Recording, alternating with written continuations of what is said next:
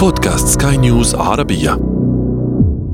أهلا بكم إلى هذا أنا الذي يسلط الضوء على شخصيات تركت بصماتها عبر التاريخ. يأتيكم عبر منصة سكاي نيوز عربية على أبل، جوجل وسبوتيفاي. معي أنا آمال شابة هذا أنا هذا أنا.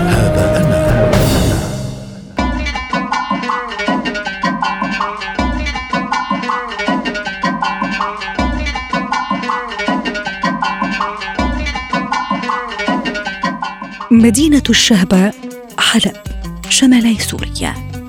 الشهر السابع من عام 1855 يبلغ يومه التاسع. في عائلة كريمة النسب عريقة الأصل يولد عبد الرحمن. تمر الأيام ويكبر عبد الرحمن في حلب المشعة بالعلم وأهله. إنه يدرس الشريعة والأدب وعلوم الطبيعة في المدرسة الكواكبية. التي يشرف عليها والده مع نفر من كبار علماء حلب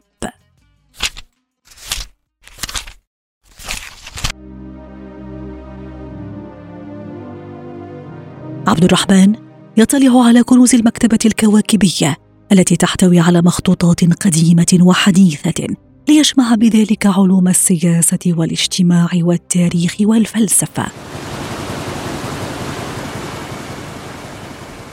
عبد الرحمن الكواكبي شاب في الثانية والعشرين. لقد عين محررا في جريدة الفرات التي تصدر في حلب.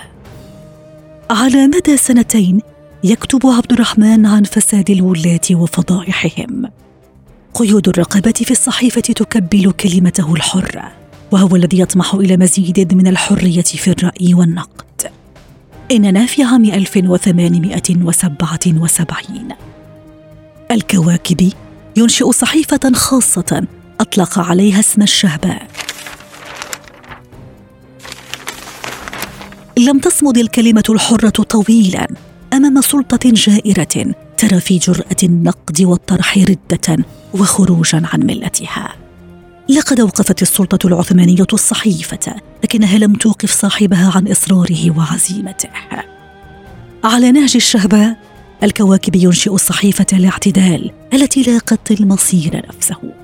مبتعدا عن العمل الصحفي الكواكب ينكب على دراسة الحقوق التي برع فيها قبل أن يعين عضوا في لجنتي المالية والمعارف العمومية في حلب والأشغال العامة.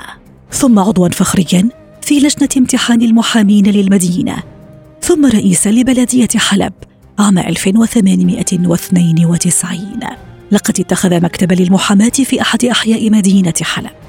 إنه يساعد المتظلمين من الناس على استرجاع حقوقهم وبالطرق القانونية حتى اشتهر في جميع أنحاء مدينته بأبي الضعفاء. أفكار الكواكب عن الاستبداد والظلم تقض مضجع السلطة العثمانية فيما بدأ أن الصراع بينهما بلغ أوجه. تاركا مسقط رأسه الكواكب يشد الرحال إلى الهند والصين قبل أن يستقر في مصر. التي فتحت ذراعيها للمصلح الشاب. إنه يكتب أحد أهم كتبه طبائع الاستبداد ومصارع الاستعباد. وفيه عرف الاستبداد وأظهر تأثيراته على جوانب الحياة قبل أن يقف عند طرق الخلاص منها انشغل الكواكب طيلة حياته بقضيتين رئيسيتين. الأولى تتمثل في البحث عن أسباب تأخر الأمم وعلى رأسها العالم الإسلامي. فيما كانت قضيته الثانية البحث في عوامل الاستبداد في حكم الدول. الكواكب يفرغ من كتابه أم القرى وهو كتاب ناقش فيه كل القضايا التي تواجه الأمة الإسلامية. الثالث عشر من يونيو عام 1902 إننا في صبيحة يوم الجمعة. عبد الرحمن الكواكبي الأربعيني الذي يزحف نحو عقده الخامس يرتشف فنجان قهوته. لم يكن يعلم أن السم الذي دسه أحدهم فيه سيكتب آخر فصل في حياته.